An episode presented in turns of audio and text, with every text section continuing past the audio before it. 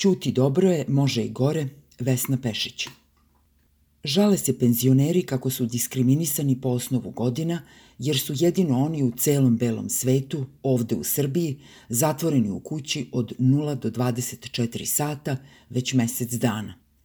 Nema izlaska nikad, ni noću, ni danju, sve dok predsednik Vučić, tobože pod čizmom struke, ne kaže bakama i dekama izvolite napolje. I to se konačno desilo. Ne odmah, ne može baš da važi od sutra. Izlasci za starije krenuće tek posle uskrsa, jer će svi biti u kući za vreme praznika. U ovoj radosnoj uskršnjoj vesti našlo se još jedno veliko ali. Izlazit će se na Kašičicu. Tri puta nedeljno, po pola sata, 300 metara od kuće. Tako je predsednik propisao. Prisećam se kako je on na samu ideju da penzioneri izađu iz kuće dobijao napade panike, govoreći kako bi to bilo strašno da se odjednom pojavi milion penzionera. I šta bismo onda, pitao je on, zgrožen od te slike. Pokušala sam da zamislim kako i gde bi se taj milion penzionera ukazao. Kako bi se to tehnički desilo. Neki penzioneri žive u Beogradu, drugi u Pančevu, treći u Valjevu, svuda po Srbiji, pa zašto mu se priviđao nekakav sveopšti penzionerski miting? I kako se taj milion penzionera ne primećuje onog dana kada svi penzioneri mogu da izađu u cik zore od 4 do 7 da bi otišli do prodavnice. Na vest da će penzioneri moći napolje u strogo glupom ograničenju krenule su primetbe. Što ne dade bar čitav sat? Kerovi imaju dva sata, a mi penzioneri pola sata. I bar da je dao 500 metara od kuće. Pošto sam i ja ta koja se sprema za svečani izlazak, ne zameram ništa, jer je kontrola takve sitničave dozvole kretanja nemoguća. Započela sam pripreme. Ustanovila sam da sve rekvizite imam. Budilnik imam, i to švajcarski, zidarski metar od pleha imam, šnajderski nemam, patike su spremne. Opraću i kosu, uviću je na papilotne, a imam i neke nove stvarčice da prikažem. Nisam imala prilike da ih obučem. Koga da pitam da li se sme na kaficu? Šta znam, proleće, izazovi na sve strane. Pitaju me prijatelji iz inostranstva da li mi je teško u kućnom zatvoru. Kad me zgrabe bes, samoća ili nedostatak vazduha, primenjujem uvek isti sistem. Taj sistem se zove oportunizam i glasi Budi srećna, moglo je da bude mnogo gore. Kakve strahote su mogle da mi se dese, a srećom nisu.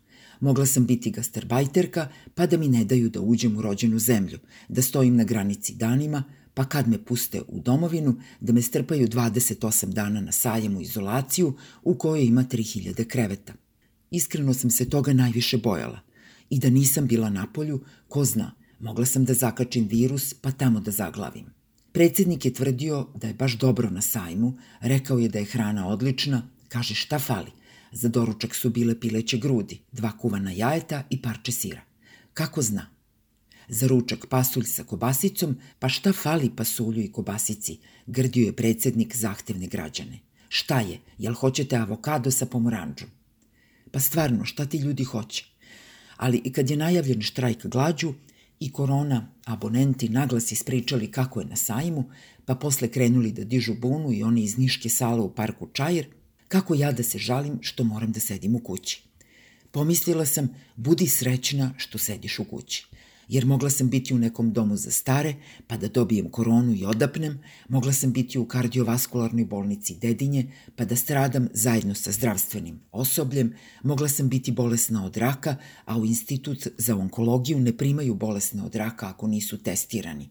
A kad hoćeš da se testiraš u domu zdravlja, poraniš zorom, imaš zakazano, a oni te vrate kući jer imaju samo šest testova, a ti si sedma. Mogla sam da čekam rezultate testa i da ih nikada ne dočekam. Mogli su da mi kažu da sam negativna, a da sam u stvari pozitivna, jer 30% testova ne valja, kako kaže jedna poznata doktorka i pulmolog po specijalizaciji. Mogla sam biti radnica u fabrici Jura, pa da se svakog jutra vozim autobusom sa 60 drugara i drugarica bez zaštite. Posle je nešto podeljeno da radim u smenama sa još 500 radnika koji ne mogu da naprave dovoljnu distancu, mogla sam da budem kuvarica u hotelu pa da me otpuste jer im više nisam potrebna, mogla sam da budem primorana da idem na posao, a nema ko da mi čuva decu, iako su obećali da će takve majke moći da ostanu kod kuće. Svaki put kad me uhvati bes, ja primenim sistem, moglo mi je biti mnogo gore.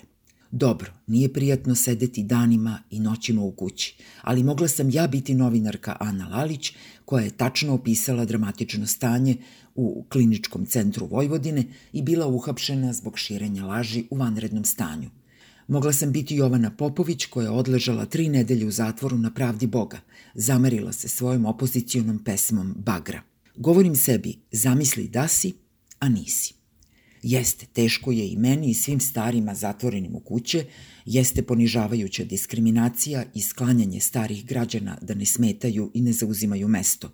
Oni jesu rizična grupa, ali nisu maloumni pa da ne znaju da se pričuvaju. Kada bi mi se slošilo, zapravo sam se vadila misleći na druge kojima je mnogo gore nego meni.